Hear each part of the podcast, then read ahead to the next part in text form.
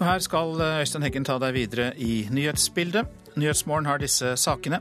Unicef forteller oss om hjelpearbeidet i Ecuador etter jordskjelvet. Her får du høre mer om riksrett mot presidenten i Brasil. Unge sjåfører er mer utsatt for trafikkulykker når andre ungdommer sitter på i bilen. Og gjøken står i fare for å forsvinne for godt. Det frykter ornitologer. Ja, I Ecuador så er altså 272 mennesker til nå bekreftet omkommet i jordskjelvet lørdag kveld. Men tallet kommer trolig til å stige. Det sier presidenten i landet. I tillegg til de omkomne er rundt 2500 mennesker skadd etter at bygninger raste sammen i jordskjelvet lørdag kveld. Skjelvet hadde sitt episenter på kysten nordvest i landet og hadde en styrke på 7,8. Tallet på omkomne har steget kraftig det siste døgnet, og nå er det president Rafael Correa som oppjusterer det til 272, og sier at det kommer til å stige enda mer. Myndighetene i Ecuador har erklært unntakstilstand. Tusenvis av soldater og politifolk er satt inn i lete- og redningsarbeidet. Det er altså særlig kystbyene i nord som er hardest rammet etter jordskjelvet. Det er skremmende, vi er fortsatt ute i gaten fordi vi er redd for etterskjelv, sier Fernando Garcia, en sikkerhetsvakt i havnebyen Guayaquil. I turistbyen Pedernales har rundt 40 hotellbygninger kollapsa, og ordføreren der frykter at svært mange ligger inneklemt i ruinene. Han ber om hjelp. Vi trenger medisin, vann og mat for å hjelpe folk, sier han. Og det var reporter Kjartan Røslett som orienterte der. Merete Agerbakk Jensen, god morgen til deg. God morgen. Du er kommunikasjonssjef i Unicef, FNs barnefond, og dere har jo folk i Ecuador. Eh, hva gjør dere der nå? Det vi gjør er jo nå i første omgang å danne oss et eh, bilde av situasjonen. Den er jo dessverre uklar eh, fortsatt. Vi hører at dødstallene stiger, flere eh, skadde blir funnet. Og vi er fortsatt i den fasen at man leter etter overlevende. Men vårt viktigste arbeid vil jo være å bidra til bl.a. rent vann og at folk får mat og tak over hodet. Dere skal jo først og fremst sørge for at barna får det bedre i slike vanskelige situasjoner. Hvordan påvirker slike voldsomme katastrofer eh, barna? Det er klart at eh, barn er jo alltid veldig sårbare i sånne situasjoner, og ikke minst eh, psykisk sett. Mange vil ha traumer etterpå, og kan ha behov for psykososial støtte. Og i sånne situasjoner så skjer det jo dessverre også at familier kommer bort fra hverandre, at barna kommer bort fra foreldre, at kanskje de til og med mister foreldre. Og da er det viktig at de har noen å ty til, noen som kan hjelpe dem. Du nevnte jo noen ting som er veldig viktige å hjelpe til med. Eh, Bl.a. Eh, å få fram vann og mat. Men eh, når det forhåpentligvis er gjort, hva blir da viktig? Det som er viktig da, Nå har rent vann også den funksjonen i tillegg til at folk trenger drikke. At man lett kan få epidemier etter sånne kriser og katastrofer. Så Derfor er også rent vann og gode sanitærforhold viktig.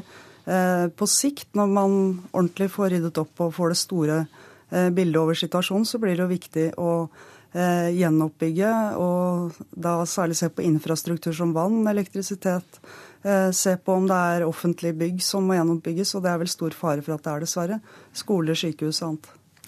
Det er jo omtrent et år siden jordskjelvet i Nepal, og der jobber man jo fortsatt med å bygge opp landet. Kan disse jordskjelvene sammenlignes? Det er vanskelig å si. De har jo akkurat samme styrkegrad, faktisk. 7,8.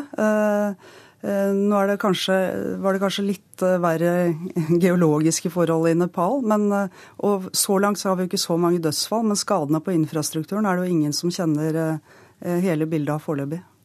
Takk skal du ha i denne omgang for den orienteringen om situasjonen i Ecuador. Merete Agerbakk Jensen, kommunikasjonssjef i Unicef.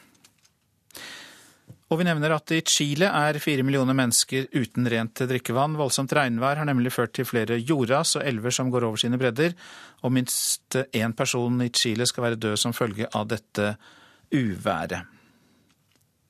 Nå til Brasil. Vi holder oss altså i Sør-Amerika. Der um, har Underhuset i parlamentet, som vi hørte i Dagsnytt, vedtatt at landets president Dilma Rousef kan stilles for riksrett. Opposisjonen sikret seg to tredels majoritet, og nå går saken videre til Senatet. Det forteller Brasil-kjenner Torkil Leira, som er i Brasil. Det som skjer nå, er jo at saken går videre til Senatet, og der skal det stemmes. Der trengs det også to tredjedels flertall. Men eh, sånn som jeg vurderer situasjonen nå, så er det sannsynlig at eh, den også får to tredjedels flertall der. Og da åpnes selve riksrettssaken. Men i mellomtiden må hun tre til side. Det må hun, men det er fortsatt et par steg igjen, igjen dit. Da det skal innom Senatet i, i flere omganger. Og hvis eh, Senatet da beslutter det, så må hun trekkes tilbake i 180 dager. Før den endelige avgjørelsen, før den endelige beslutninga, som også skjer i Senatet. Ja, Hvor lang tid eh, kan hele den prosessen ta? Nei, Det kan ta måneder, eh, om det ikke tar år. Det tror jeg verken opposisjon eller posisjon ønsker, men hvis den, det, det kan, det, i hvert fall så vil det ta, ta flere måneder. Det som opposisjonen ønsker, eh, og som mange også sier, og som mange regner med vil skje, det jeg personlig veldig usikker på, det er jo det at eh, president Dilma skal føle at presset er så stort at hun trekker seg frivillig. Men uansett så vil det her eh, pågå i mange måneder fortsatt. Og det er også et stort problem for Brasil, fordi at sittende president har veldig liten styringsdyktighet. Hennes regjering har liten eh, li, veldig lite støtte i Kongressen sånn som det er i dag. Så Brasil er litt i limbo akkurat nå, så lenge den prosessen her går. Men hva er det president Dilma Rousef eh, har gjort galt? Hun er jo tiltalt nå, eller mistenkt nå for å ha gjort uh, noen grep i økonomien for å stille uh, økonomien i et bedre lys. Samtidig er hun også mistenkt for å ha uh, fått ulovlig finansiering til, til valgkamp. Så Det er jo det formelle grunnlaget for prosessen som nå, som nå er i gang. Men det som bidrar selvfølgelig til den, den politiske stemninga, er jo det store, det er jo krisa i den brasilianske økonomien. Økonomien er i resesjon. Og også den svære korrupsjonssaken som involverer Petrobras, som involverer alle de største bygge- og entreprenørselskapene, og som involverer alle de største politiske partiene. Men som sittende president så er det Dilma Rousef som blir tillagt skylda for det meste av det som går galt nå. Ja, Brasil-kjenner Torkjell Leira var det, som vi snakket med like før eh, sending. I eh, fjor omkom langt, omkom langt flere mellom 18 og 24 år i trafikken enn tidligere. Det viser foreløpige tall fra Statens vegvesen. Samtidig viser det seg at unge sjåfører oftere er innblandet i ulykker når andre ungdommer sitter på med dem. Det er en eh, Volvo 240 1986-modell. Veteran i år. 18 år gamle Martin Espedalen Syvertsen er bilinteressert, som mange andre unge i Bø i Telemark. En eh, vanlig 2,3 eh, liter motor. En tank, som vi kaller det. da. Det tåler det meste. Han og kameratene er midt i målgruppa for kampanjen Vegvesenet starter denne vekka. Målet er å nå unge mannlige bilførere. Det sier leder for seksjon for trafikantatferd i Vegdirektoratet, Ingrid Heggebø Lutnes. De blir eh, lettere påvirket av andre rundt det, medpassasjerer. Og jo flere passasjerer det er i bilen, jo eh, mer påvirket blir de til å kjøre fortere, til å bli distrahert eller til å ikke holde fartsgrensene slik som vi ønsker. Det er helst i helgen at han Martin har passasjerer i bilen. Som regel når jeg kjører kompiser fram og tilbake på fester, eller har sjåfør på bilen og drikker sjøl. Så det er mest i helgene. Hvordan er det du kan bli forstyrret? da? Det er folk som tar bilder med blits og det lyser hele bilen, og folk som slår med armer i tak og rister i seter og slik. Det er det som er mest irriterende. Også kameraten, 18 år gamle Thomas Myland, har opplevd å bli distrahert. Iblant når det blir litt vilt inni bilen, men uh, egentlig som regel greit. Vilt inni bilen, hva er det som skjer da? Nei, kler seg nakne og helt modeller, da. Det er det. Det høres litt ekstremt ut. Ja, det blir litt vilt iblant, så, men sånn er det bare. Jo flere unge passasjerer i bilen, desto større er risikoen for ulykke med en ung sjåfør, fastslår Transportøkonomisk institutt i et dokument lagd for Vegvesenet. I hver tredje dødsulykke er farta bare litt høyere enn fartsgrensa tillot. Det er altså ikke bare ekstrem fart som tar liv. Og unge bilførere blir oftere enn de sjøl er klar over, påvirka til å kjøre litt for fort. Det tror jeg kan stemme at ungdom ikke er helt klar over at de kjører litt fortere, og at litt fortere er mye farligere enn å holde seg innenfor fartsgrensen. Reportere var Knut Inge Dale og Kjartan Røslett. Så er det på tide å se litt på hva avisene har på sine forsider. Kom i konflikt med Nav, måtte gi opp bedriften. Det skriver Dagens Næringsliv om Jonny Kjøniksen. Han bygde opp eh, biler til bruk for funksjonshemmede, men Nav sa opp avtalen etter kontroll av bilene. Men Kjøniksen vant over Nav i retten. Også etterpå mistet han likevel kontrakten. Nav svarer at de likebehandler bedrifter som bygger om handikapbiler. Over 13 eh, fravær på sykehjemmene, det er oppslaget i Adresseavisen. Trondheim har et langt eh, høyere sykefravær på helse- og velferdssentrene enn andre storbyer. Strikken er dratt for langt. Vi må passe på at folk ikke blir syke av arbeidsplasset. På arbeidsplassen, det sier eh, Torbjørn Solberg, hovedtillitsvalgt i Sykepleierforbundet.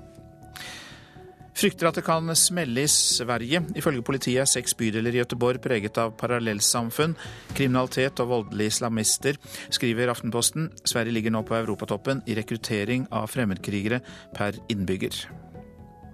Regjeringen vurderer å la EU behandle asylsøknader, kan vi lese i Dagsavisen. Felles asylbehandling blir vurdert i EU, og europaminister Elisabeth Aspaker sier det ennå er for tidlig å si om vi vil gi fra oss myndighet til å vurdere asylsøknader selv.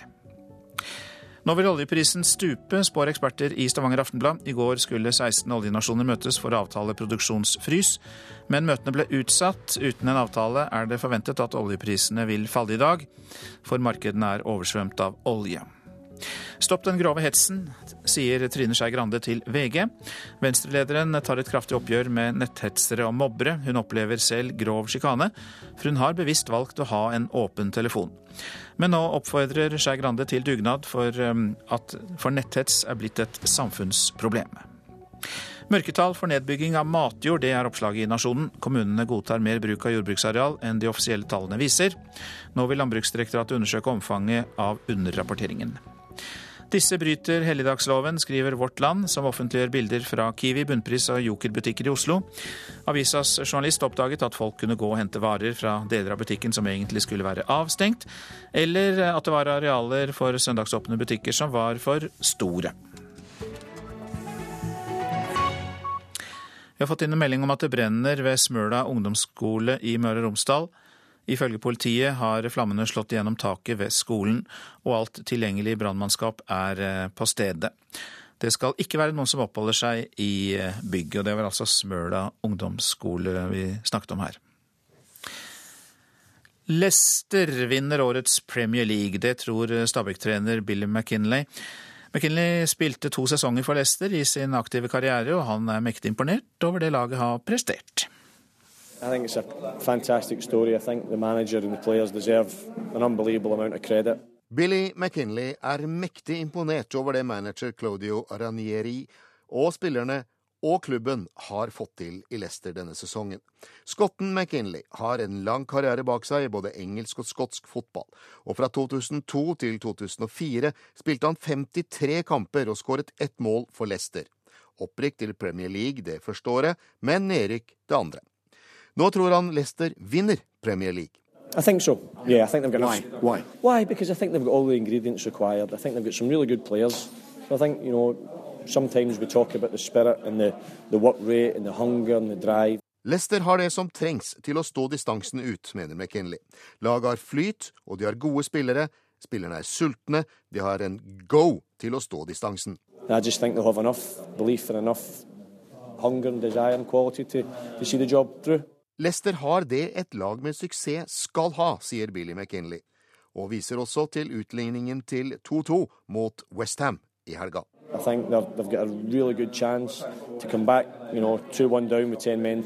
Billy McKinley skryter av tiden han hadde i Leicester.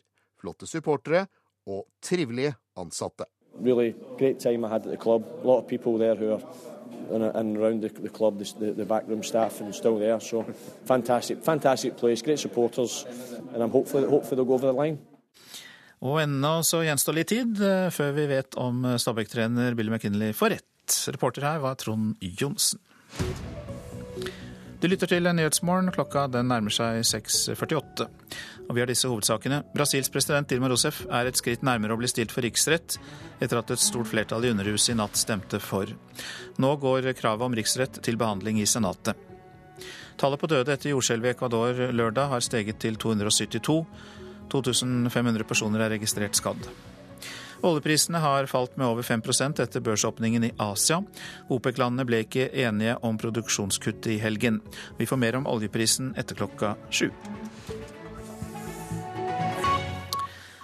Ta med aldersdiskriminering i den nye diskrimineringsloven. Den oppfordringen kommer fra seniorer i Høyre. Altfor ofte opplever eldre å bli behandlet dårlig på arbeidsplassen, mener Sverre Mauritzen, som er leder i Høyres seniororganisasjon med sånn mer og mindre usynlig tilsidesettelse. At du blir eh, diskriminert med eh, opprykk, eh, med eh, tildeling av velferdsgoder, med kursing og oppkvalifisering osv. Du, du blir på mange måter eh, sett på som litt sånn, sånn på, på nedadgående når du nærmer deg det som før het pensjonsalder. Til tross for at arbeidsmiljøloven forbyr nettopp aldersdiskriminering, bør også temaet få plass i den nye likestillings- og diskrimineringsloven som Solveig Horne har tatt initiativ til, mener Mauritzen. Det syns vi er en stor, en stor, mangel. Så Senior Høyre har levert inn en høringsuttalelse på den, og vi håper jo da at eh, når det endelige lovutkastet kommer på bordet, at eh, aldersdiskriminering er tatt med. I dag mistet jeg retten til å være lege fordi jeg fylte 80. Jeg syns det er ganske dumt. Det sa 80 år gamle Astrid Nøkleby Heiberg, som gikk av som statssekretær i Helse- og omsorgsdepartementet før helgen. Nye tall fra Statistisk sentralbyrå slår fast at langt flere seniorer i 60-årene kombinerer pensjon og jobb, etter at pensjonsreformen trådte i kraft for drøye fem år siden. Dette er viktig, mener Heiberg. Vi trenger det fordi at vi blir flere mennesker her som er i den gruppen som vanligvis tradisjonelt sett er sett på som forsørget. Vi må få lov til at de kan fortsette å jobbe hvis de vil.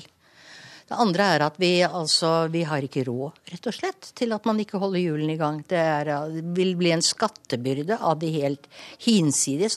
Også Statens seniorråd og Pensjonistforbundet har tatt til orde for et forbud i den nye loven. Senior-Høyres oppfordring til kollegaene i regjeringen er klar. Altså partiet, Når du sitter i regjering, så er det å trykke på kolleger. Det er jo vår samarbeidspartner i Fremskrittspartiet som, eh, som er statsråd, ansvarlig statsråd for likestillings- og diskrimineringsdepartementet. Så, eh, så hun får da gå i tenkeboks og komme ut med et bedre lovforslag. Barne- og likestillingsdepartementet ønsker ikke å kommentere denne saken eh, nå. Reportere her det var Randi Midtskog, eh, Katrin Hellesnes og Magnus Stokka. Tre menn er pågrepet i Sandvika, mistenkt for å ha smuglet nærmere ett tonn kjøtt fra Sverige. De tre hadde to biler fullastet med både kylling og lam, og var på vei til Bergen, og de skal i avhør seinere i dag. April og mai blir preget av folkeavstemninger i mange kommuner. Rundt halvparten av landets kommuner henter fram valgurnene, og det gjelder jo selvfølgelig kommunesammenslåinger. I Kommune-Norge er mange skeptiske til en sammenslåing, fordi de knytter den kulturelle identiteten sin til kommunen. Et eksempel er Sandnes, der det blir folkeavstemning om en sammenslåing med Sola og Stavanger. De prøver jo å få oss unna seg, de prøver ikke på en sammenslåing. Nei takk. I Sandnes er det stor skepsis til kommunesammenslåing med Sola og Stavanger, og kanskje er ikke det så rart. I 24 år har vi bare kjørt gjennom Sandnes. Sandnes, hvor i helsike er Sandnes? Den gamle revyvisa setter fingeren på en arroganse fra storebror Stavanger. Etter hvert så har de lært seg hvor Sandnes er sier Sandnes-ordfører Stanley Virak fra Arbeiderpartiet, motstander av sammenslåing, til tross for at Stavanger foreløpig er villig til å gi bort både navnet, rådhuset og fjerne eiendomsskatten. Vi har hatt en voldsom vekst. Vi har fordobla befolkningen nå i løpet av 35 år. Og nå er vi en by på 75 000 som har stadig voksende selvtillit. Og vi er redde for å bli styrt av nabobyen. Samisk undervisning ved Mandalen skole i Kåfjord. I snart 25 år har norsk og samisk vært likestilte språk i Nord-Troms kommunen, hvor Vera Eriksen jobber som samisklærer. Det har jo blitt mer hva skal jeg si, stuerent i den private sfæren. Å både snakke samisk og være same. og synliggjøre det samiske. Ti kommuner i landet er med i det samiske språkforvaltningsområdet. I Kåfjord har det medført revitalisering av den sjøsamiske identiteten, forteller ordfører Svein Leiros. Jeg tror at det har vært alfa og omega for at man har klart eh, å bevare og, og jobbe fram den sjøsamiske identiteten i, i regionen vår. Jeg bruker å si det sånn at man har gått fra skiltskyting til å bli en stolt Kåfjord. Beskytt skiltene, de samiske skiltene! For det var nettopp det som skjedde i Kåfjord på 90-tallet. Samiske veiskjelt ble pepra i protest mot at det samiske ble synliggjort. Nå frykter mange i Kåfjord at motstanderne av det samiske til slutt får viljen sin. Om Kåfjord slås i hop med kommuner der det samiske ikke står like sterkt. Da vil det samiske mest sannsynlig bli mindre synlig. Det blir ikke så store aktivitet aktiviteter rundt det. Og så blir det mindre fokus på det. Vi har sjøl stått på barrikadene for eh, navnet på grenda vår. Øvre Rendalen, ja. I 1965 ble kommunen til Elin Sandbakken, Øvre Rendalen, slått sammen med naboen i sør, Ytre Rendalen. Et tvangsekteskap ingen ville ha. Det var vel kanskje to litt forskjellige folkeslag. Sier arbeiderpartipolitiker Arne Hagetrø. Og samlivet i den nye Rendalen kommune, som i areal er større enn Oslo og Vestfold fylker til sammen, ble preget av dragkamper og stridigheter. Det har vel gått litt rått, denne sammenslåinga fra 60-tallet til nå. Nå pålegges de snaut 1900 rendøla å tenke enda større. Men da har pipa fått en annen lyd. Vi er en utkant med det som er, og vil bli en ekstrem utkant dersom vi blir slått sammen med en annen kommune. Men det åpnes jo òg for skilsmisse og mulighet for å finne en mer passende partner. Men vi ønsker å være rendøler, så da prater vi ikke splitting. Og våre reportere på litt forskjellige steder her, det var Anette Johansen Espeland, Rune Norgård Andreassen og Torunn Myhre. Og om kommuner og kulturtilbud får du høre mer i Kulturnytt klokka 8.03. Gjøken står i fare for å forsvinne for godt her i landet. Det frykter ornitologer som nå er i gang med å telle årets trekkfugler. For mens gjøken fortsatt lever sine glade dager i Afrika fram til 1. mai omtrent, så blir det færre reder hos vertsfuglene, der gjøken lurer eggene sine oppi. Vertsfuglene kommer nemlig stadig tidligere til Norge, og klimaendringer kan være en av grunnene. Gjøken har problemer, og har også havna på den nasjonale rødlista over trua fuglearter.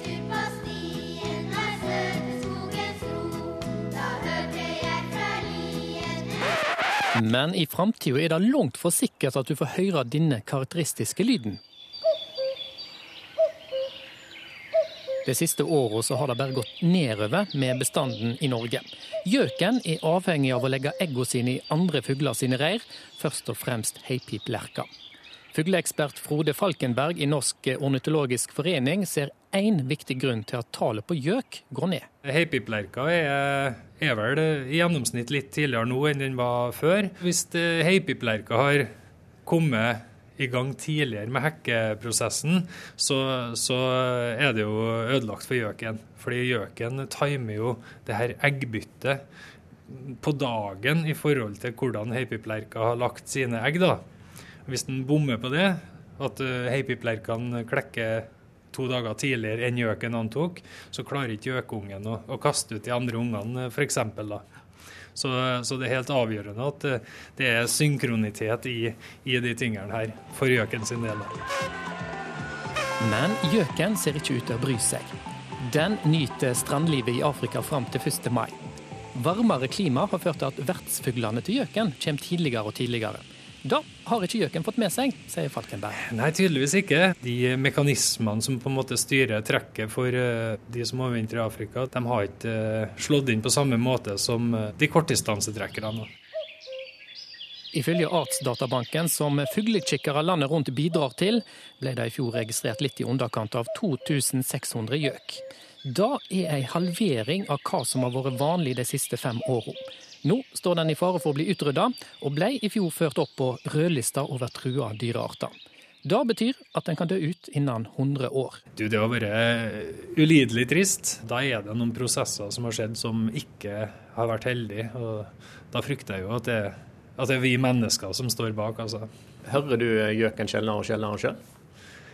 Jeg føler at jeg hører en sjeldnere og sjeldnere, i hvert fall. Jeg må nesten eh, se på notatene mine og sånne ting. Da. Men eh, men eh, jeg syns ikke jeg hører veldig mye gjøk eh, nå. Det.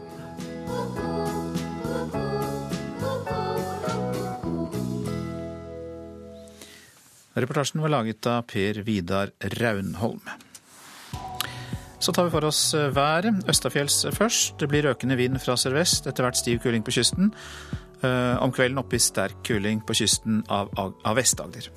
Og det blir regnbyger østafjells, flest i Vest-Agder. Forbigående enkelte byger om ettermiddagen i områder østover der det også blir Perioder med sol, riktignok. Og Vestlandet går vi til nå.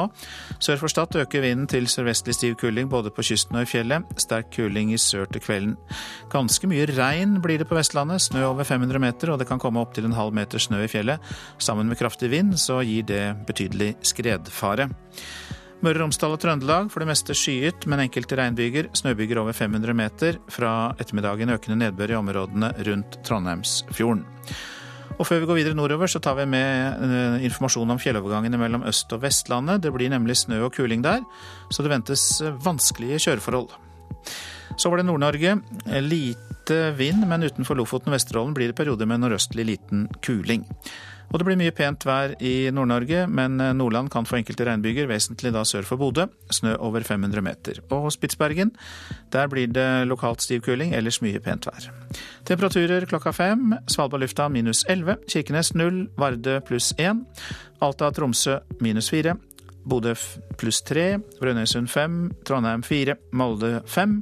Bergen 6. Stavanger og Kristiansand 7. Gardermoen og Lillehammer 2. Røros minus 1 og Oslo-Blindern pluss 3.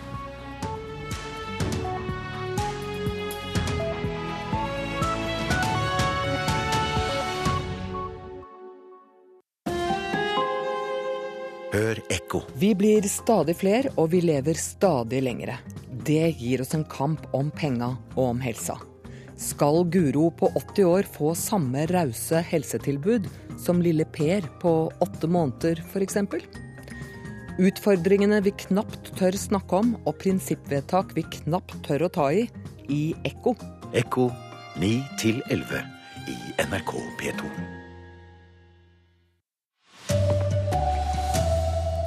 Dødstallene etter jordskjelvet i Ecuador kommer til å stige, ifølge presidenten.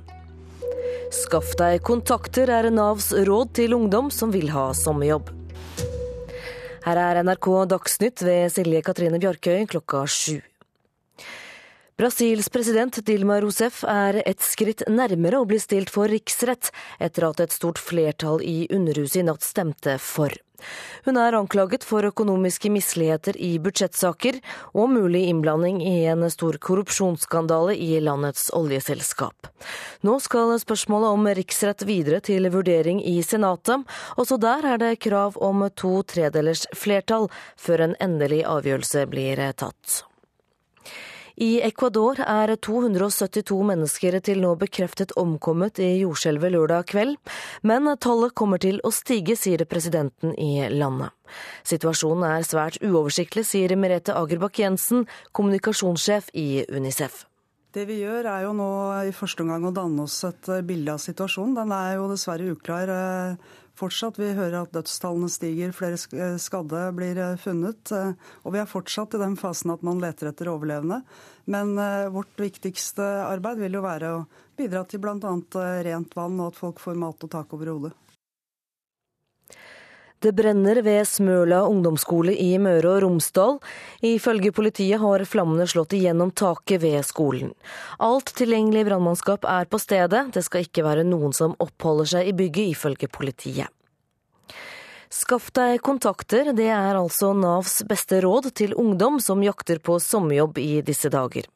Nedturen i oljebransjen gjør det vanskeligere å få, seg noe å gjøre til sommeren.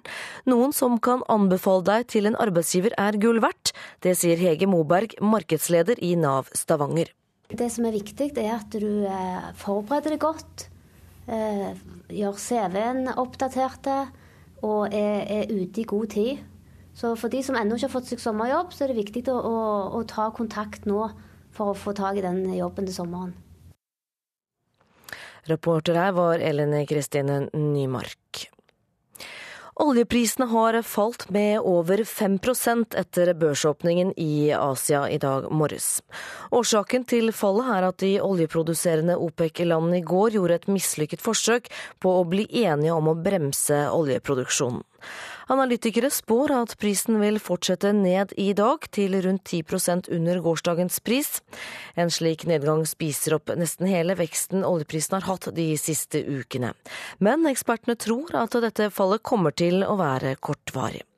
NRK Dagsnytt.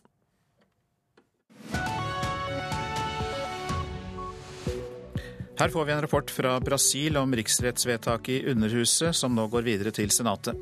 Vi oppdaterer deg om eh, oljeprisene. De stuper altså etter at OPEC-landene ikke ble enige om produksjonskutt. Og fører tilhengerne av EU-medlemskap i Storbritannia feil strategi når de inviterer utenlandske statsledere for å overbevise britene? Vi spør en norsk EU-tilhenger. Han burde vite det. Nå til eh, Brasil, altså, der Underhuset i parlamentet eh, har vedtatt at landets president Dilma Rousef kan stilles for riksrett. Opposisjonen sikret seg to tredels eh, majoritet, og nå går altså saken videre til Senatet. Og vi har snakket med Torkjell Leira, han er forfatter og Brasil-kjenner, og er nå i Brasil. Det som skjer nå, er jo at saken går videre til Senatet, og der skal det stemmes. Der trengs det også to tredjedels flertall. Men eh, sånn som jeg vurderer situasjonen nå, så er det sannsynlig at eh, den også får to tredjedels flertall der. Og da åpnes selve riksrettssaken. Men i mellomtiden må hun tre til side? Det må hun, eh, men det er fortsatt et par steg igjen, igjen dit. Da det skal innom Senatet i, i flere omganger. Og hvis Senatet da beslutter det, så må hun trekkes tilbake i 180 dager før den endelige avgjørelsen, før den endelige beslutninga, som også skjer i Senatet. Ja, Hvor lang tid eh, kan hele den prosessen ta? Nei, Det kan ta måneder, eh, om det ikke tar eh, år. Det tror jeg verken opposisjon eller posisjon ønsker, men hvis den, det, det kan, det, i hvert fall så vil det ta, ta flere måneder. Det som opposisjonen ønsker, og som mange også sier, og som mange regner med vil skje, det jeg personlig veldig usikker på, det er jo det at eh, president Dilma skal føle at presset er så stort at hun trekker seg frivillig. Men uansett så vil det her eh, pågå i mange måneder fortsatt. Og det er også et stort problem for Brasil, fordi at da, sittende president har veldig liten eh, styringsdyktighet. Hennes regjering har liten, li, veldig lite støtte i Kongressen sånn som det er i dag. Så Brasil er litt i limbo akkurat nå, så lenge den prosessen her går. Men hva er det president Dilma Rousef eh, har gjort galt? Hun er jo tiltalt nå, eller mistenkt nå for å ha gjort uh, noen eh, grep i økonomien for å stille uh, økonomien i et bedre lys. Samtidig er hun også mistenkt for å ha uh, fått ulovlig finansiering til, til, valgkamp. Så Det er jo det formelle grunnlaget for prosessen som nå, som nå er i gang. Men det som bidrar selvfølgelig til den, den politiske stemninga, er jo det store det er jo krisa i den brasilianske økonomien. Økonomien er i resesjon. Og også den svære korrupsjonssaken som involverer Petrobras, som involverer alle de største bygge- og entreprenørselskapene, og som involverer alle de største politiske partiene. Men som sittende president så er det Dilma Rousef som blir tillagt skylda for det meste av det som går galt nå. Hvordan eh, ser eh, Rosef selv og hennes eh, støttespillere på det angrepet som opposisjonen nå har rettet mot henne? President Dilma Rousef og hennes parti PT og de nærmeste støttespillerne kaller jo det her et kupp. Og prøver jo på den måten å mobilisere sine støttespillere for å, å forsvare demokratiet. Og Det så vi også i avstemminga nå i natt norsk tid at forsvarerne av Dilma Rousef snakka om demokratiet, om grunnloven. Og de mener jo at det her er en helt illegitim prosess som kun er politisk motivert. Så det er veldig veldig sterke og, og, og, fronter i Brasil akkurat nå. Hva tror du om eh, risikoen for at det kan eh, føre til mer eh, uro i det brasilianske samfunnet? Denne prosessen skal jo nå gå over lengre tid? Brasil har blitt et mye mer polarisert land de siste par-tre årene. Eh, så du har en veldig sånn, sterk eh, splittelse mellom eh, ja, du kan si den politiske venstresida og den politiske høyresida. Som er mye tydeligere nå enn det den har vært på, på 20, kanskje 25-30 år. Men jeg tror ikke at vi får noe større opptøyer framover. For nå, det her er en politisk eh, og juridisk prosess som faktisk er ganske sånn komplisert, som folk flest eh, ikke skjønner alle detaljene av.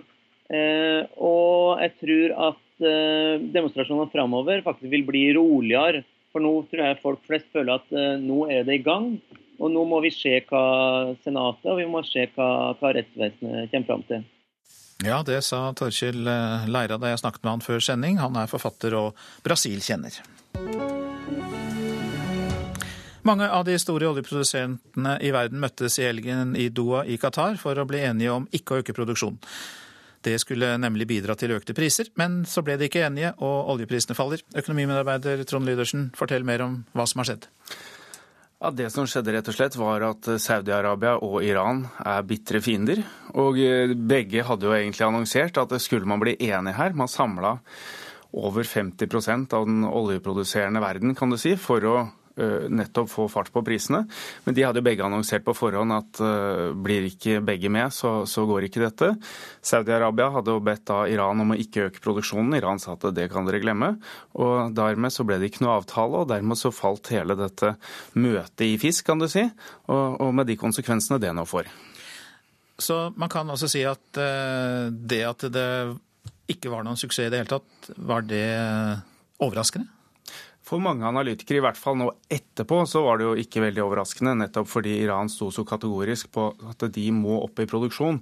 De har jo akkurat fått løftet sitt embargo, får lov til å selge. Vi skal opp på fire millioner fat om dagen igjen.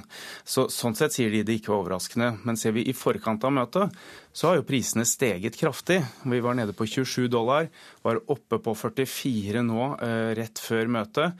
En forventning altså om at kanskje dette skulle gå i orden. Men så ble det jo som rett og slett de viktigste aktørene hadde sagt på forhånd, dette skjer ikke, da blir det ikke noe av. Og så ligger jo Asia foran oss. Der er det langt ut på dag allerede, og børsene har åpnet og aksjemarkedene Hvordan har de tatt imot nyheten? Det har blitt nedtur der også. Eh, selvfølgelig da de som selskapene som er olje, altså som tjener på en høy oljepris, eh, har, har gått ned. I tillegg så, så, har man jo en ekstra nedgang pga. Japan, hvor du har hatt jordskjelv og etterskjelv også. Mange takk skal du ha i denne omgang, økonomimedarbeider Trond Lydersen. Skaff deg kontakter, det er Navs eh, beste råd til ungdom som jakter på sommerjobb i disse dager. Noen som kan anbefale deg til en arbeidsgiver er gull verdt. Det sier eh, Hege Moberg, som er markedsleder i Nav Stavanger. Og hvor viktig det er å ha kontakter, det merker 17 år gamle Kristiane Seglem. Hun eh, prøver nå å finne seg noe å gjøre til sommeren. Det er definitivt mye lettere, men hvis du utstråler en god personlighet og liksom virker som du er god arbeidskraft, som, så tror jeg det kan gå fint. Men det er mye bedre å ha kontakter. Kristiane Seglem har hatt deltidsjobber før.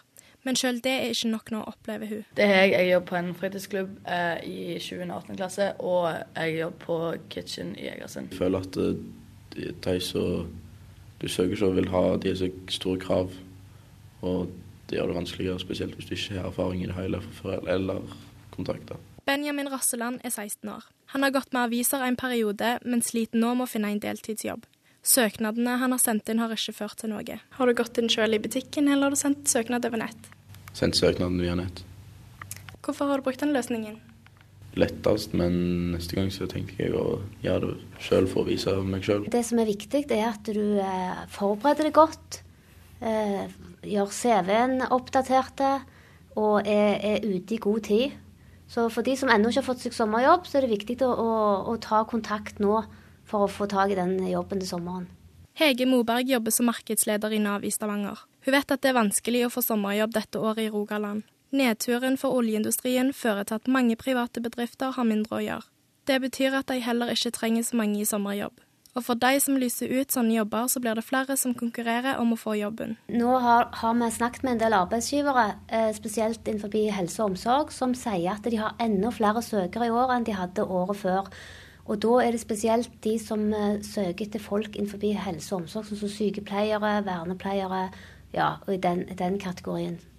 Tonje Michaelsen er 18 år gammel og går på Sola videregående skole. Hun kunne tenkt seg en ekstra jobb nummer to, men selv med arbeidserfaring er det vanskelig å finne det denne våren. Ja, jeg føler jeg trenger en jobb til, men det er ikke akkurat veldig lett. Hun jobber i dag deltid på Europris i Solacrossen.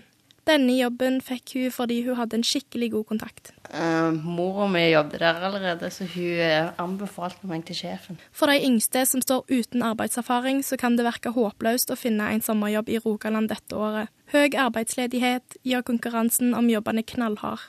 Men det er et håp.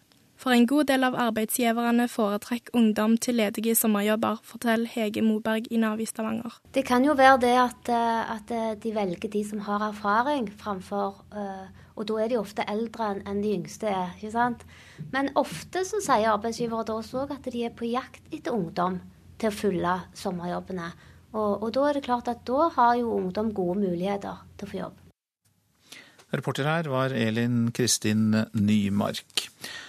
Therese Eia Lerøen, god morgen til deg. God morgen. Du har sittet sammen med meg og hørt dette her. Du er leder i Norsk studentorganisasjon, og det er jo da knallhard konkurranse om sommerjobbene. Ja, dette rådet fra Nav, eh, hvor lett tror du det er, eh, eller hvor mye lettere kan det bli hvis man har kontakter? Det er jo klart at det er viktig å ha kontakter. Eh, men allikevel så tror jeg nok det handler om å være, som det òg blir nevnt, altså tidlig ute. Eh, sjekke nett, høre med bekjente. Er det ledige jobber som det er mulig å søke på? Men det er klart at har du et stort eh, nettverk, så er det òg flere eh, å henvende seg til når man skal ut og finne sommerjobb. Tidlig ute må man være, men en fordel da, med et nettverk hvis det er mulig å få tak i det. Hvor viktig er sommerjobber og deltidsjobber for studentene i dag? Det er klart at Studenter er veldig avhengig av inntekt ved siden av eh, studiene sine.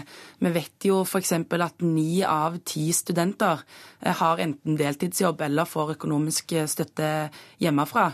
Å levere eksamen i juni, som er en sommermåned man ikke får stipend i. Så det er klart at studentene er veldig avhengig av både deltidsjobb og sommerjobb, de som andre unge.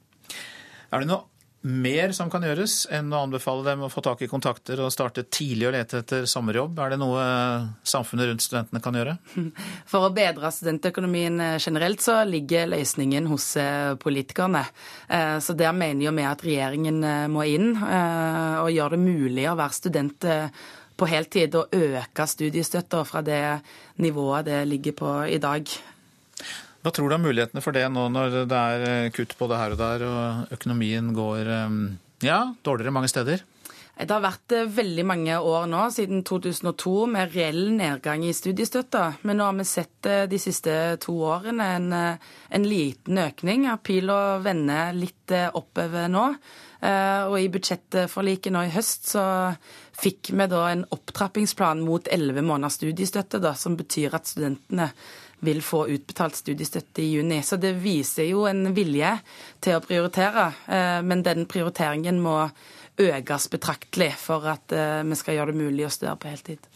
Så den uh, sure jobben med å levere eksamener i juni, som du nevnte innledningsvis, den blir sånn sett betalt etter hvert, når juni også får støtte? Etter hvert blir det lettere, ja. Takk skal du ha, Therese Eia Lerøen, som altså er leder i Norsk studentorganisasjon. Dette er Nyhetsmorgen. Klokka har passert 7.16, og vi har disse hovedsakene. Brasils president Dilma Rousef er et skritt nærmere å bli stilt for riksrett etter at et stort flertall i Underhuset i natt stemte for. Nå går eh, kravet om riksrett til behandling i Senatet. Tallet på døde etter jordskjelvet i Ecuador på lørdag har steget til 272. 2500 personer er registrert skadd. Oljeprisen har falt med over 5% etter børsåpningen i Asia. OPEC-landene ble jo ikke enige om produksjonskutt på deres møte i Qatar i helgen.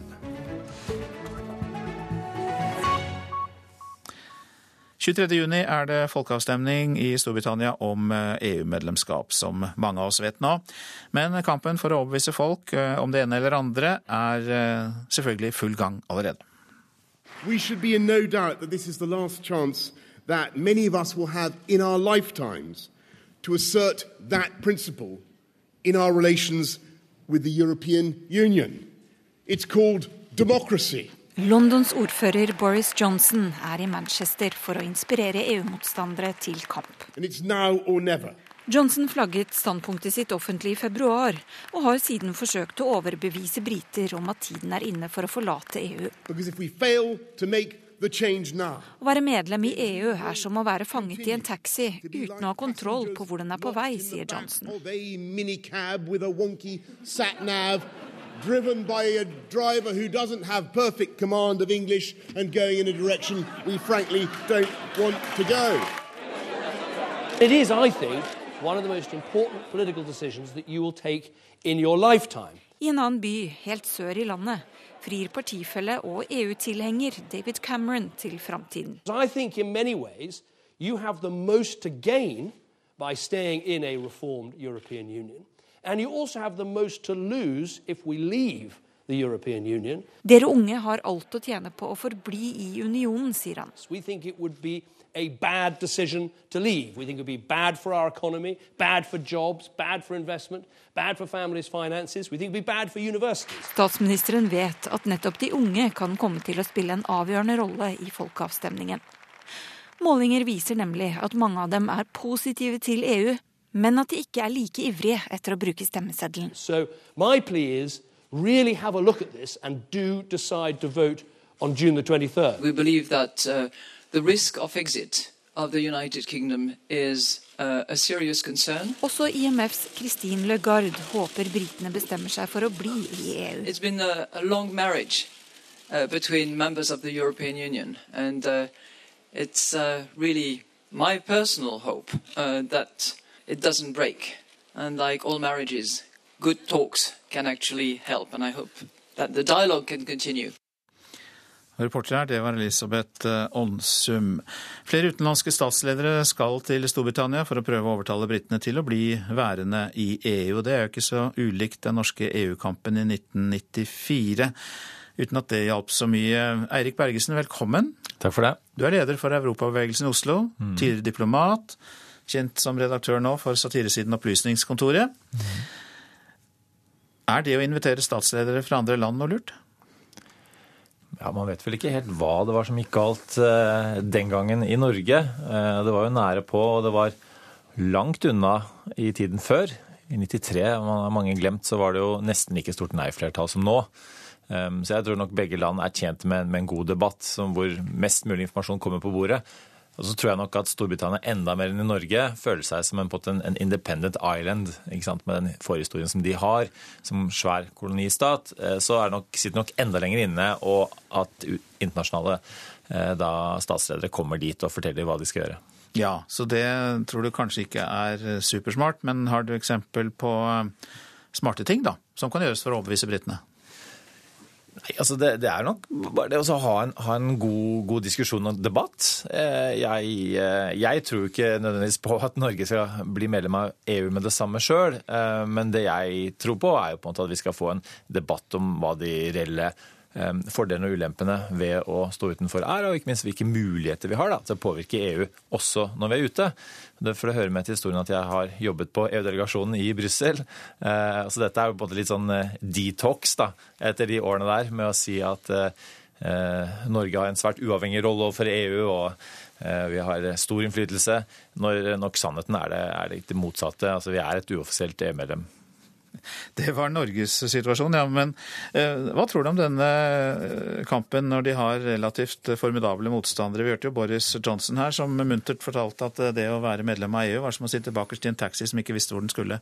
Ikke sant. Når vi hører Boris Johnson her nå, så skjønner vi også hvor eh, gull verdt det var for nei-siden å få han som leder.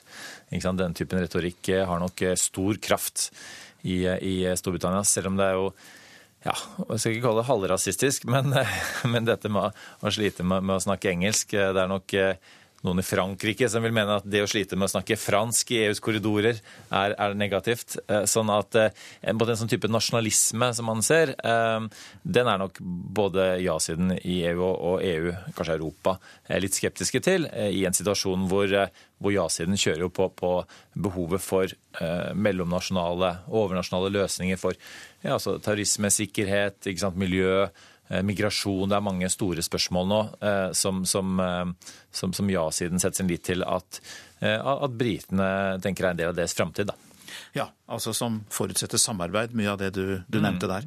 Men, men hva er den største forskjellen på den britiske og norske EU-kampen? For det er jo i hvert fall sånn at bønder i Storbritannia syns det er fint å være medlem. og Det er, det er liksom litt sånn opp ned og litt forskjellig når det gjelder ja- ja-nei-siden.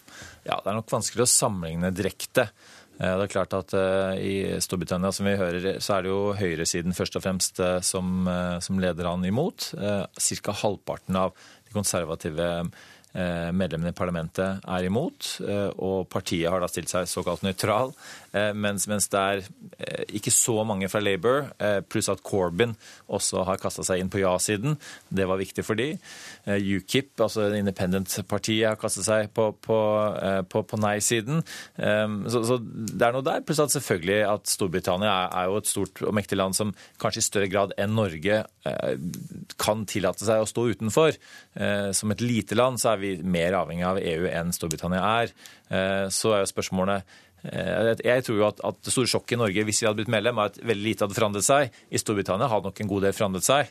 Eh, Så spørsmålet er om da kan man jo ikke angre lenger. da. Og for Cameron så kan dette være en, en felle han har satt opp for seg selv for å øke populariteten på meningsmålingene. Jeg tror ikke han hadde trodd den gangen at det kom til å bli så nære som det kan se til å bli nå. Det blir spennende. Mange takk skal du ha, Eirik Bergesen.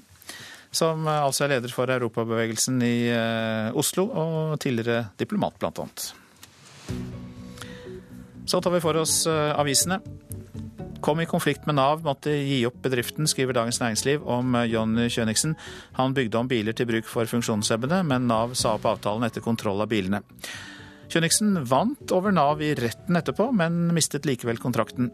Nav svarer at de likebehandler bedrifter som bygger om handikapbiler. Over 13% fravær på sykehjemmene, det er oppslaget i Adresseavisen. Trondheim har et langt høyere sykefravær på helse- og velferdssentrene enn andre storbyer. Strikken er dratt langt. Vi må passe på at folk ikke blir syke av arbeidspresset, sier eh, Torbjørn Solberg, hovedtillitsvalgt for Sykepleierforbundet.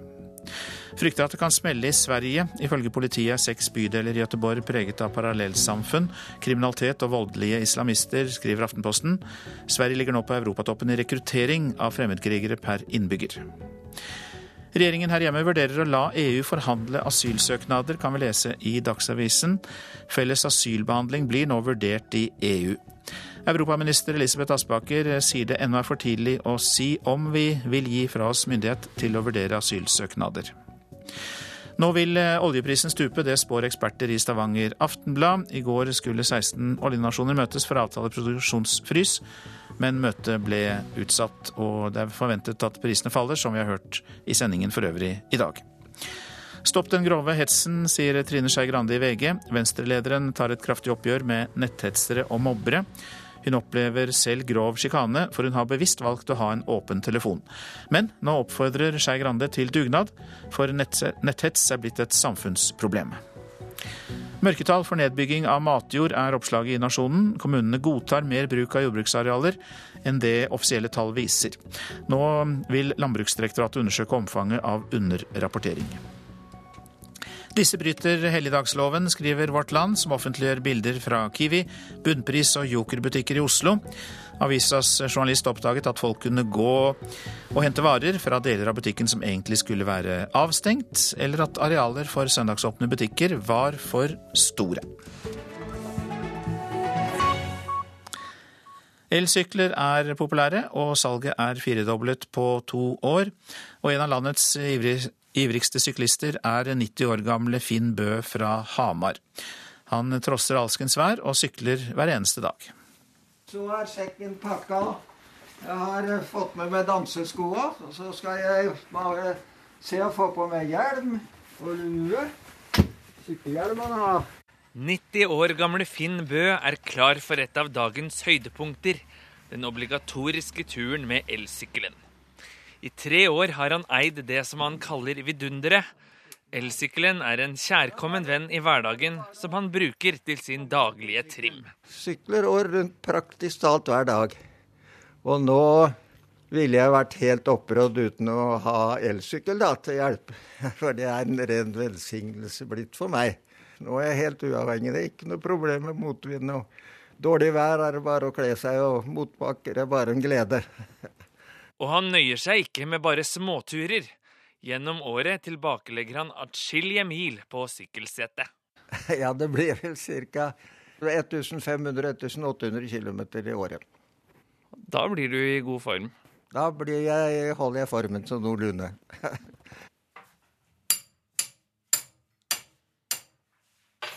Ved Innlandets ledende butikk innen elsykler, Sykkel og Fritid Hamar, er det travle dager.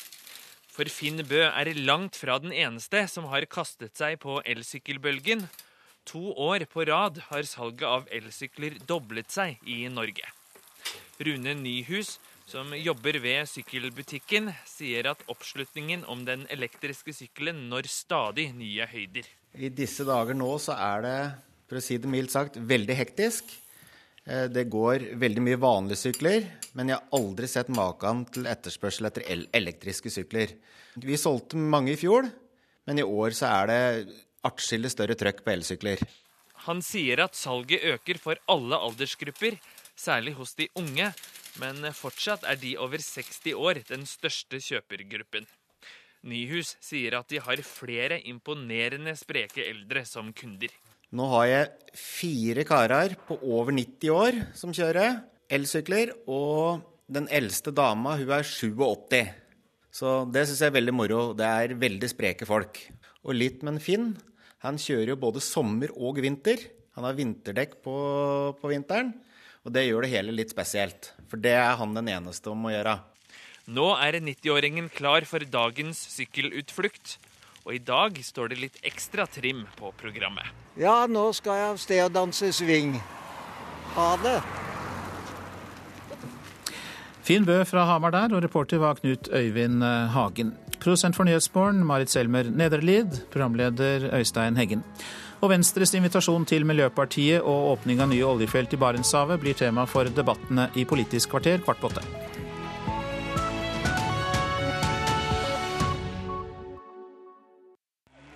Spillerom på NRK P2. Roskildefestivalen i Danmark er ikke lenger godt nok for unge, hippe, musikklare nordmenn. Det er Coachella i den knusktørre Colorado-ørkenen i California som har blitt den våte drømmen for flere og flere konsertgjengere. Hva er det som gjør at norske festivalgjengere tømmer lommeboka og drar til Coachella?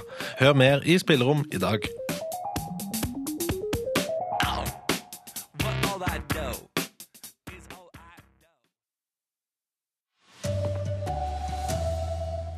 Brasils president ett skritt nærmere å bli stilt for riksrett.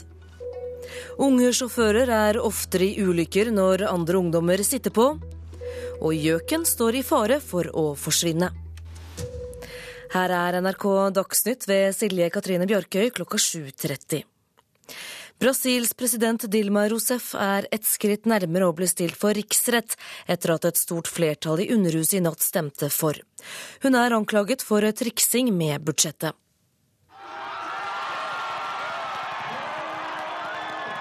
Vill jubel i hovedstaden Brasilia. Forventningene er skyhøye. Brasil er født på ny. Vi er nå et demokrati, en rettsstat. Alt vil bli bedre, sier studenten Eduardo til nyhetsbyrået Reuters. Inne i nasjonalforsamlinga hadde representantene gått én etter én ned for å avlegge muntlig stemme. Derfor tok prosedyren for å stille presidenten for riksrett lang tid. Dilma Rousef er formelt skylda for å pynte på budsjettet for å sikre seg folkets støtte. Noe som ikke er uvanlig i brasiliansk politikk. Men bakteppet er økonomiske nedgangstider og arbeidsløse. Arbeiderpartiet har mista mye støtte. De er også innblanda i Petrobras-skandalen, den største korrupsjonssaka i Brasil noensinne. Men det er også flere i opposisjonen, så spørsmålet er om Brasil vil bli mindre korrupt uten Dilma. Det sa utenriksmedarbeider Roger Severine Bruland. Og saken går nå videre til det andre kammer i parlamentet for avstemning. Det sier Brasil-kjenner Torkjell Leira. Det som skjer nå, er jo at saken går videre til Senatet, og der skal det stemmes. Der trengs det også to tredjedels flertall. Men eh, sånn som jeg vurderer situasjonen nå, så er det sannsynlig at eh, den også får to tredjedels flertall der. Og da åpnes selve riksrettssaken. I Ecuador stiger tollet på omkomne etter jordskjelvet lørdag kveld, og ødeleggelsene er store mange steder. Paul Rodriguez, som vanligvis bor i Oslo, sier en stor del av byen Puerto Viejo er ødelagt. I tillegg til de omkomne er rundt 2500 mennesker skadd etter at bygninger raste sammen i jordskjelvet lørdag kveld. Skjelvet hadde sitt episenter på kysten nordvest i landet og hadde en styrke på 7,8. Tallet på omkomne har steget kraftig det siste døgnet, og nå er det president Rafael Correa som oppjusterer det til 272, og sier at det kommer til å stige enda mer. Ja, Rapporter her var Kjartan Røslett. Bakkemyra skole på Smøla i Møre og Romsdal står i full fyr. Skolen har fått store skader, det sier operasjonsleder i politiet, Rolf Anders Korstad. Jeg fikk en sånn uh, liten oppdatering fra brannvesenet. og Der uh, melder de at de anser ei fløy ved denne uh, skolen fortapt. og Den fløya er på ca. 300 kvadratmeter. Videre så melder de at de sliter litt med vanntilførsel. altså De jobber med å skaffe seg tilførsel av vann fra sjø. Ja, Det skal ikke ha vært personer i bygningen da det begynte å brenne. Vi skal tilbake til Ecuador, for der stiger altså tallet på omkomne etter jordskjelvet som var lørdag kveld. Ødeleggelsene er store mange steder, og Paul Rodriguez, som altså vanligvis bor i Oslo, sier en stor del av byen er ødelagt. Hele sentrum, det er helt ødelagt. Det er ikke noe det er, det, Alt er reist sammen. Paul Rodriguez, som er på besøk hos familien i Ecuador, var lørdag kveld på en kafé da det kraftige jordskjelvet ramma. På ei litt dårlig telefonlinje forteller han at store betongdeler ramla ned rett ved sida av han. Han kom seg ut av bygninga, men den kollapsa etterpå, og folk mista livet. Det var flere. Det var flere som kom da. Mens dødstallet etter jordskjelvet nå er på over 270, sier presidenten at det kommer til å stige. Flere plasser er det dårlig med vann og strøm, Sånn er det òg i Porto Viejo, som har rundt 200 000 innbyggere, forteller Rodriguez. Folk sliter veldig mye med vann. Det er det viktigste. Reporter Kjartan Røslett. Oljeprisen falt kraftig etter at møtet mellom mange av verdens store oljeproduserende land i Doha i går ikke førte til enighet om å, å ø, ikke øke produksjonen. Økonomimedarbeider Trond Lydersen, hvorfor ble de ikke enige? Altså, Store forventninger. Nå skulle vi løse overproduksjonen i verden. Men så er det to stater som står mot hverandre, og det er Saudi-Arabia og Iran. Og Iran hadde jo sagt på forhånd, de hadde akkurat fått letta embargoet sitt. Vi skal øke produksjonen. Saudi-Arabia sa hvis ikke Iran er med på å fryse sin produksjon, så skjer det ikke fra vår side heller. Dermed falt alt sammen. Og Hvordan vil vi i oljenasjonen Norge merke dette? Altså, når, så, når, jeg så bensinpumpene på vei hit i dag, så der, der hadde det ikke skjedd mye. Men hvis vi tenker på det store bildet, 40 dollar fatet som vi ligger på nå, det tjener vi penger på, men det bremser mange store utbygginger i Nordsjøen. Vi må litt opp for å få opp aktiviteten igjen. Så håpet er å få til en Eh, frys i produksjonen hadde gavnet Norge.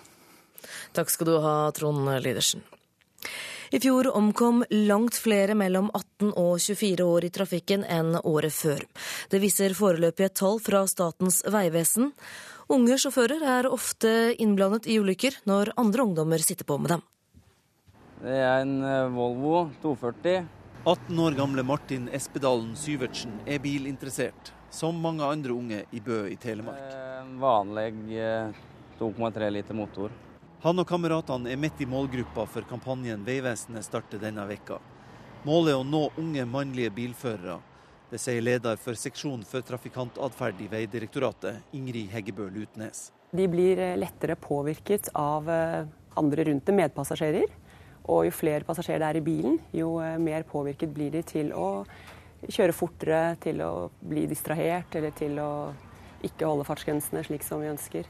Det er helst i helgen at han Martin har passasjerer i bilen. Han kjører kompiser fram og tilbake på fester, eller har sjåfør på bilen og drikker sjøl.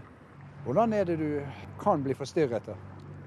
Folk som tar bilder med blits og det lyser hele bilen, og folk som slår med armer i taket og rister i seter og slik. Også kameraten, 18 år gamle Thomas Myrland, har opplevd å bli distrahert. Iblant når det blir litt vilt inni bilen, men uh, egentlig som regel greit. Vilt inni bilen, hva er det som skjer da? Nei, kler seg naken og helt modeller, da. Det er det. Og unge bilførere blir oftere enn de sjøl er klar over, påvirka til å kjøre litt for fort. Det tror jeg kan stemme at ungdom ikke er helt klar over at de kjører litt fortere, og at litt fortere er mye farligere enn å holde seg innenfor fartsgrensen. Reportere Kurt Inge Dale og Kjartan Røslett.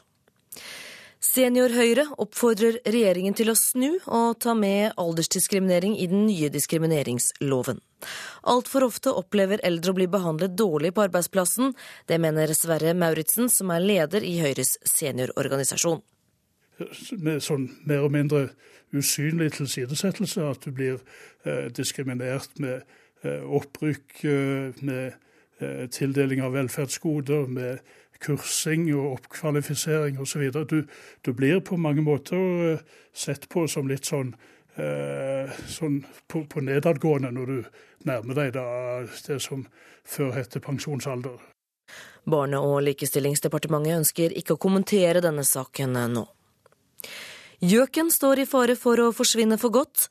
Det frykter ornitologer som nå er i gang med å telle årets trekkfugler. Klimaendringene kan være en av grunnene. Gjøken har problemer og har også havna på den nasjonale rødlista over trua fuglearter.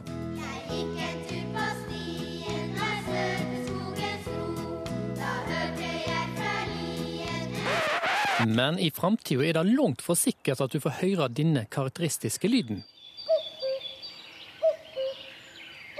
De siste åra har det bare gått nedover med bestanden i Norge. Gjøken er avhengig av å legge eggene sine i andre fugler sine reir, først og fremst heipiplerka.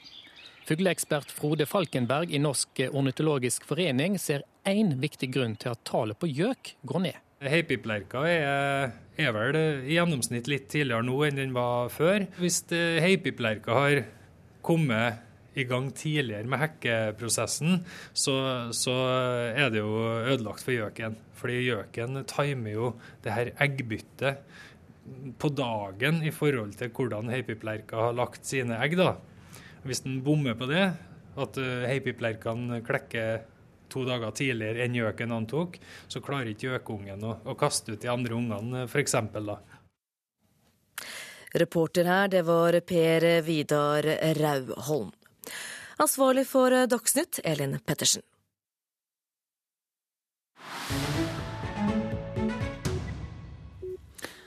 Om ti uker vet vi hvordan det gikk. Ja, her i Nyhetsmorgen snakker vi selvfølgelig om folkeavstemningen om EU i Storbritannia. Veien fram dit består av en svært hard kamp om sannheten og en rekke uvanlige allianser. Espen Aas rapporterer fra London. Statsminister David Cameron på telefon til en eller annen perpleks brite i den andre enden. Han sitter på hovedkontoret til Ja-kampanjen forut for den kommende EU-avstemningen. Ikke bare det, Cameron sitter side om side med det som normalt sett vil være å anse som naturlige politiske fiender. Labour, Liberals, Greens and others, but the fact is we all come together to support the idea of Britain staying in a reformed European Union. For nå er det alle kluter til i de ti ukene som valgkampen skal vare frem til 23.6, dagen da avstemningen om Storbritannias fremtid skal skje. En avstemning som fort også handler om Europas fremtid. Særlig hvis Storbritannia skulle finne på å melde seg ut.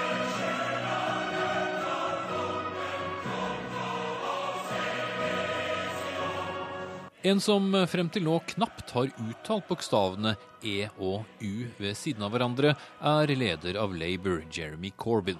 Han satt ikke sammen med Cameron for å ringe rundt, men derimot holdt han torsdag sin første tale om hvorfor Storbritannia bør bli i EU. Det hørtes bl.a. slik ut. The Labour Party is overwhelmingly for staying in because we believe the European Union has brought investment, jobs, and protection for workers, consumers and the environment. Og for dem som kanskje syntes det ikke hørtes helt overbevisende ut, så kan det være noe i det. For selv om Corbyn nå bruker tid på å snakke om EU som noe som er bra for Storbritannia, så har han slettes ikke alltid ment det. Hør bare i dette klippet fra midten av 80-tallet powers have gone from national parliaments. They haven't gone to the European Parliament. They've gone to the Commission and to some extent to the Council of Ministers. These are quite serious matters. Men som partileder må han det, for venstresiden er for EU. De store fagforeningene i både privat og offentlig sektor mener EU-medlemskap sikrer rettighetene til medlemmene deres langt bedre enn noen regjering kan gjøre det. Og bondestanden mener for det meste det samme om sin situasjon. Og det samme gjør også mange store selskaper. Englands sentralbank har også advart mot en brexit, som er det populære navnet på en britisk utmeldelse. Tidligere finansminister for Labour og aktiv ja-mann Alistair Darling, som også ledet kampanjen for å få Skottland til å bli værende som en del av Storbritannia, advarer mot store økonomiske følger når han snakker om en eventuell EU-utmeldelse. It will put jobs at risk, it will weaken us. Leaving is not a cost-free men det finnes folk som har viet store deler av livet sitt for å få Storbritannia ut av EU. Nigel Farage, f.eks., som er partileder for uavhengighetspartiet UKIP, hvis hovedsak er utmeldelse en gang for alle. Han fnyser en lang marsj i hele argumentasjonen til Alistair Darling. It's remarkable for somebody who's supposed to be intelligent uh, that he can stand up and say, if we weren't members of political union, we couldn't buy and sell goods from each other. Quite extraordinary. For at det er dyrt å være EU-medlem, og at det medfører en flom av arbeidsinnvandrere fra EU, det er han glad i å fortelle om så ofte han kan. We pay a fortune to have our, all of our businesses regulated, most of whom don't trade with the EU, that prevents us making our own deals with the Commonwealth and other parts of the world. We have got a rotten deal. EU-avstemningen blir ofte kalt den viktigste avstemningen i Storbritannia i nyere tid. Den kan nok også kalles den mest dramatiske.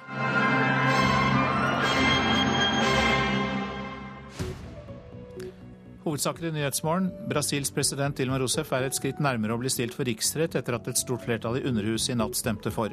Nå går kravet om riksrett til behandling i Senatet.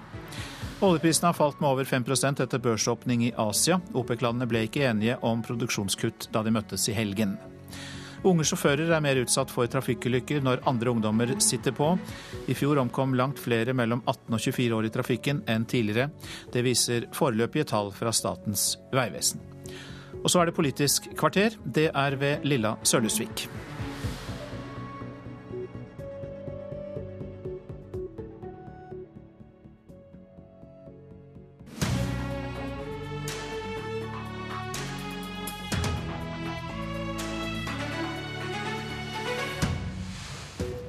Landets eldste parti sliter fortsatt med sperregrensa. De vil bytte bort Frp og få inn MDG.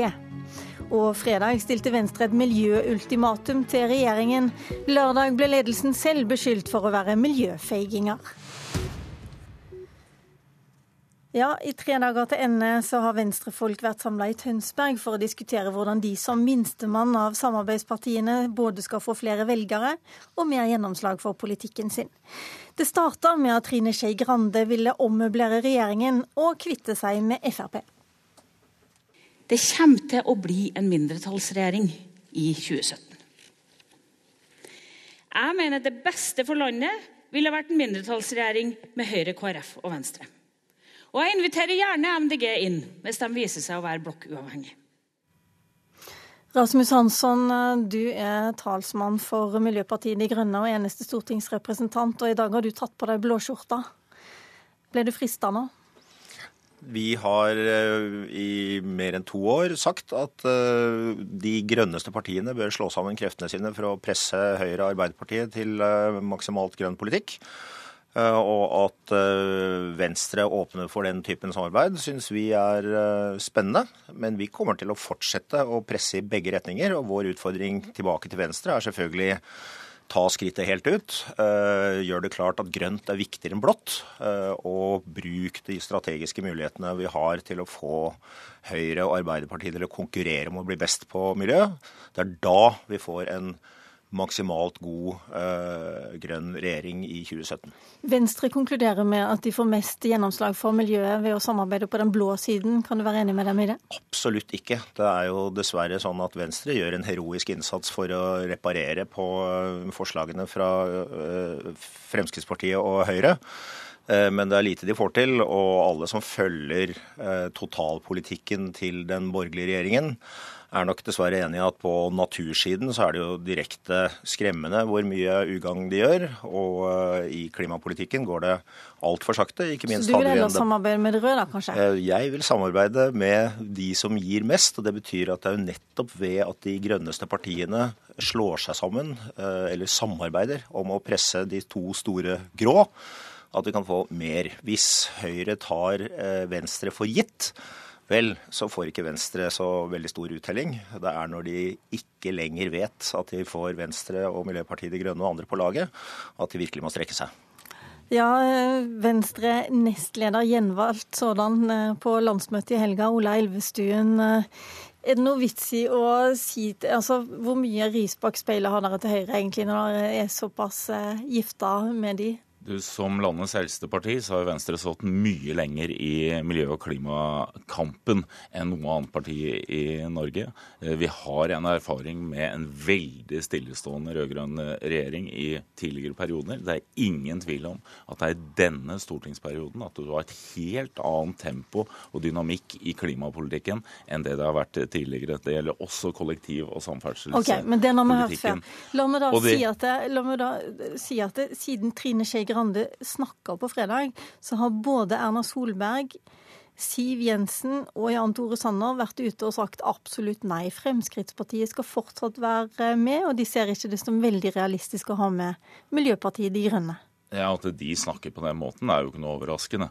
Men for Venstre så er det helt klart at Og jeg tror hvis du spør befolkningen generelt, så er det beste alternativet for å ha en styringsdyktig regjering, er en regjering med Høyre, Venstre og KrF. Og det er klart maktposisjonen ligger i sentrumsposisjonen. Det er de som må ha igjennom sine saker på Stortinget. Vi sitter i en knallhard posisjon når det gjelder, eh, når det gjelder budsjetter. Og jeg tror hvis du ser på rekke av, av gjennomført politikk i denne perioden, så taler den for seg selv. Du har betydelig fram, du, Vi har satt målsettinger. Vi skal minst altså en forpliktelse på 40% reduksjon av utslipp innen 2030. Vi forsterker innsatsen inn mot uh, eh, 2020 innenfor det som er for Vi rydder opp i den tidligere politikken, enten det er overfor biodrivstoff, uh, det, er, det er innsats inn i kollektivtrafikk, og det som ligger jo i i eh, landsmøtet, er jo en betydelig forsterkning av eh, den klimapolitikken og miljøpolitikken som vi må ha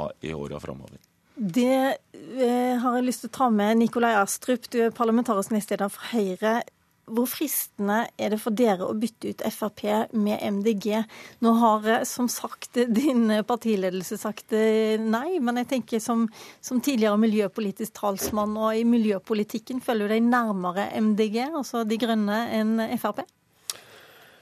Altså, eh, for oss er det viktigste at vi har et, altså, et borgerlig flertall gir en borgerlig regjering, for å begynne der. Og så vil det jo vise seg om Miljøpartiet De Grønne er et borgerlig parti. Så langt så er min er min konklusjon at Fremskrittspartiet nok er et mer borgerlig parti enn Miljøpartiet De Grønne. Vi har et veldig godt samarbeid med Fremskrittspartiet i dag.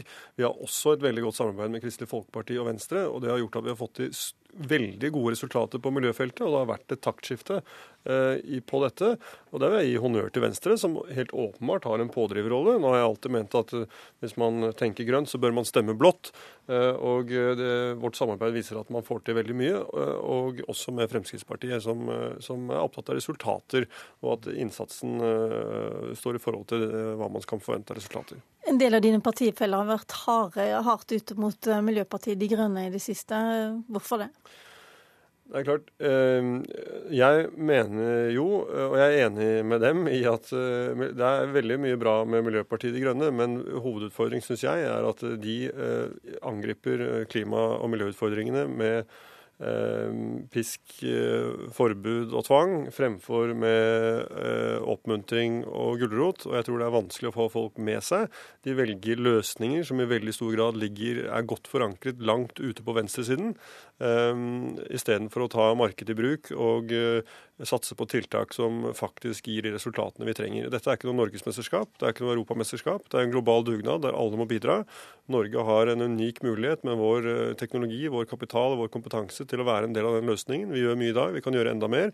Uh, og jeg føler at Miljøpartiet De Grønne nok litt for ofte stikker hodet i sanden og ikke bidrar med konstruktive løsninger på de utfordringene vi står overfor. Det blir for, for navlebeskuende og naivt. Hansson, er det bedre å stikke hodet i sanden og være ren og rank enn å samarbeide med blokkene? Det, det Miljøpartiet De Grønne eh, vil gjøre, er å gjennomføre den politikken de andre sier de vil gjennomføre, men jo eh, faktisk ikke gjennomfører. Altså, Utslippene i Norge går ikke ned. Eh, og det er det som er det store problemet som vi gjør noe med. Og det grønne skiftet som alle snakker om, må faktisk gjennomføres. Og det gjennomføres ikke ved å satse videre full fart på oljevirksomhet med svære subsidier.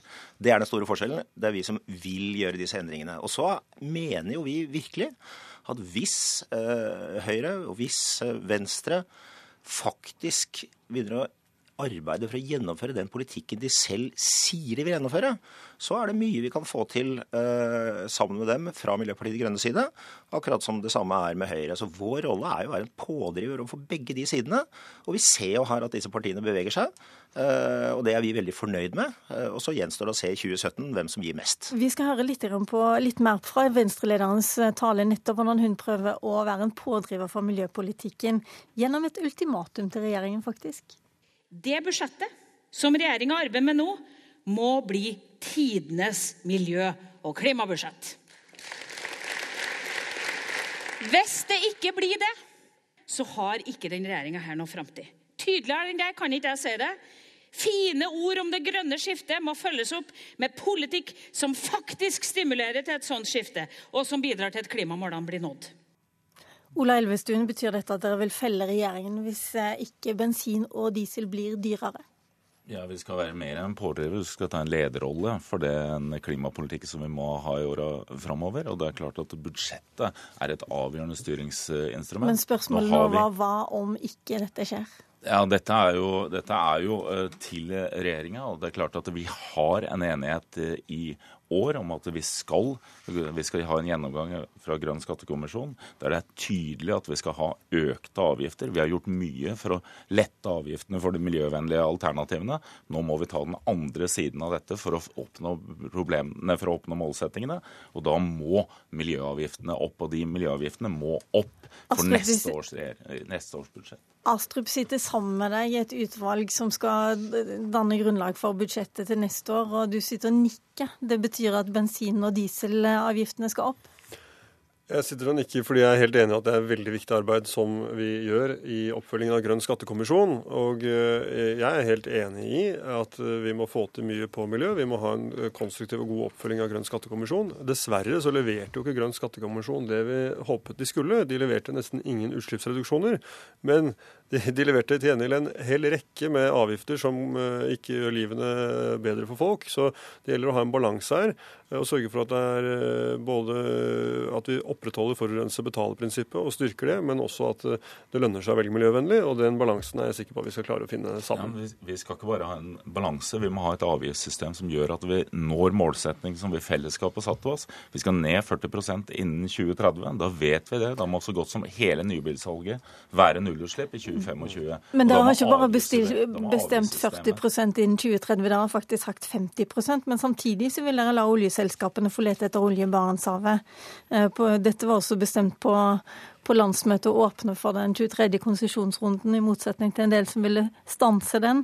Hvordan henger dette her sammen? Ja, nå har vi en omfattende klimauttalelse. Og ja, det er riktig, vi må ha egne nasjonale mål som går utover den forpliktelsen vi har med EU, altså at vi skal ned 50 eh, Og så har vi også vedtatt at vi må ha en gjennomgang av hele politikken overfor petroleumssektoren. For nå må vi se på hvordan den skal innrettes i lys av Parisavtalen og de enorme endringene som vi skal se internasjonalt. Og Det er det som er den avgjørende. Hvordan ser du på leterefusjonsordningen? Hvordan ser du på skattesystemet som i dag er veldig gunstig for oljeselskapene? Hvor, du, hvor det er staten som står den største risikoen. Og så tar vi også ut store deler av 23. konsesjonsrunde, de som ligger lengst mot nord og lengst mot nordøst. Rasmus Hansson, du har også kalt dem feige, men det er kanskje lett å si når man er i Oslo og langt unna de arbeidsledige i Stavanger og Haugesund? Jeg har ikke kalt dem feige, eh, men eh, jeg er veldig glad for at mange i Venstre nå skjønner det Miljøpartiet De Grønne for lengst har skjønt, at veien til det grønne skiftet går ikke gjennom mer oljevirksomhet i Arktis. Den går gjennom aktivt å legge om oljevirksomheten. Og så får vi bare ta til etterretning at Høyre mener de lager bedre miljøpolitikk sammen med Fremskrittspartiet enn sammen med Miljøpartiet De Grønne. Det kommer de til å måtte ombestemme seg på hvis de vil levere, men eh, det er i hvert fall en interessant bevegelse i feltet nå når vi begynner å se 2017 i, i kikkerten. Det var det vi rakk fra en, om en liten miljørunde etter Venstre-landsmøte. Kommentator Magnus Takvam, vi skal ha med deg til slutt. Du har sagt siden fredag ettermiddag at Miljøpartiet De Grønne inn i denne regjeringen er komplett urealistisk. Får du mer troa etter denne runden her?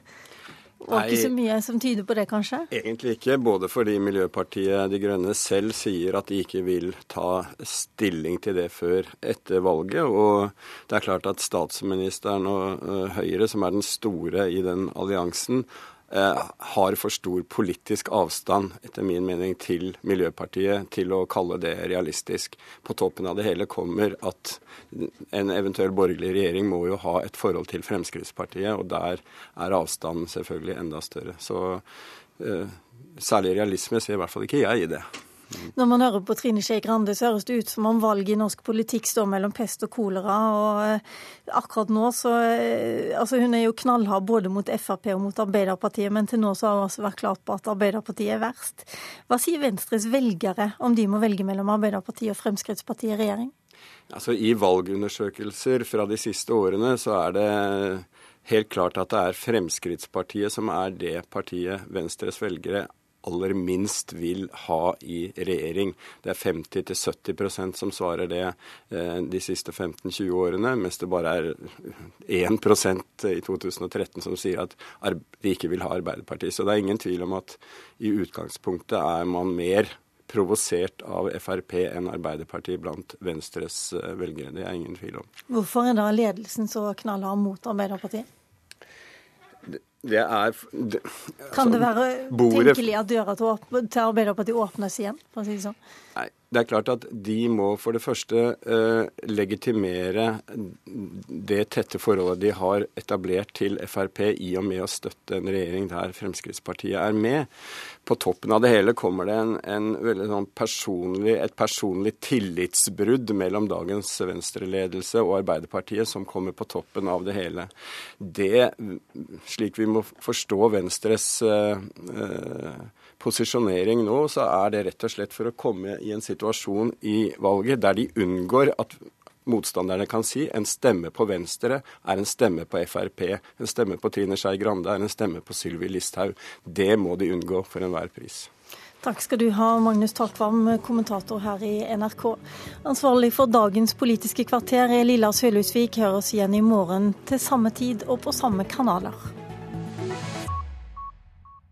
Hør flere podkaster på nrk.no podkast.